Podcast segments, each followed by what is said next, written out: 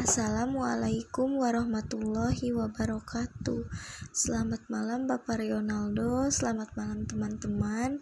Saya ingin menjelaskan sedikit mengenai tugas besar yang saya buat ini Yaitu mata kuliah isu and crisis management. Tugas besar yang saya buat ini Saya membuat makalah dengan judul Manajemen Krisis Public Relation PT Mitra Agung Swadaya dalam membentuk citra positif pada PT Mas Kecamatan Kelayang, Kabupaten Indragiri Hulu. Saya akan sedikit menjelaskan detailnya tugas yang saya buat ini. Di sini ada rumus masalah. Rumus masalahnya ialah Assalamualaikum warahmatullahi wabarakatuh. Selamat malam Bapak Ronaldo Selamat malam teman-teman. Saya ingin menjelaskan terkait tugas besar yang saya buat ini Di mata kuliah isu and crisis management. Saya membuat tugas besar Tugas besar makalah dengan judul Manajemen Krisis Public Relation PT Mitra Agung Swadaya dalam membentuk citra positif pada PT Mas Kecamatan Kelayang Kabupaten Indragiri Hulu.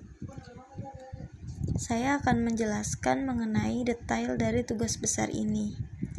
Identifikasi masalahnya ialah pertama, bagaimana tahapan manajemen krisis yang dilakukan oleh PT Mitra Agung Swadaya Kecamatan Kelayang Kabupaten Indragiri Hulu. Kedua, bagaimana strategi manajemen krisis yang dilakukan oleh Public Relation PT Mitra Agung Swadaya Kecamatan Kelayang Kabupaten Indragiri Hulu. Sekarang tujuan penelitiannya. Tujuan penelitiannya itu satu untuk mengetahui tahapan manajemen krisis yang dilakukan oleh PT Mitra Agung Swadaya Kecamatan Kelayang Kabupaten Indragiri Hulu. Kedua, untuk mengetahui strategi manajemen krisis yang dilakukan oleh Public Relation PT Mitra Agung Swadaya Kecamatan Kelayang Kabupaten Indragiri Hulu. Peran Public Relation.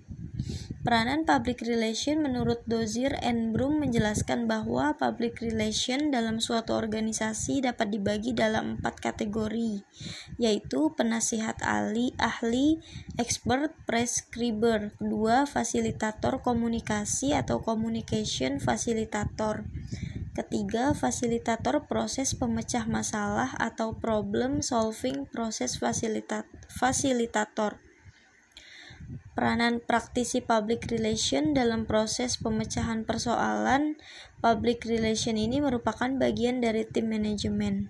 Keempat, teknisi komunikasi atau communication technician. Tujuan kegiatan public, public relation Tujuan utama kegiatan public relation adalah membangun kredibilitas dan membangkitkan motivasi bagi stakeholder perusahaan guna meminimalkan biaya pengeluaran proses transfer komunikasi.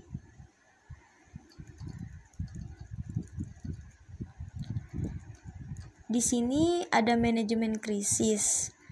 Tahapan manajemen krisis Pertama, tahapan prakrisis. Pencegahan berupaya mengurangi resiko yang diketahui mengarah pada sebuah krisis.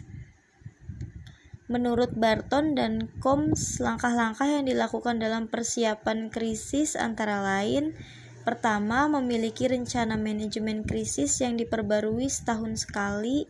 Kedua, memiliki manajemen krisis yang diperbarui setahun sekali.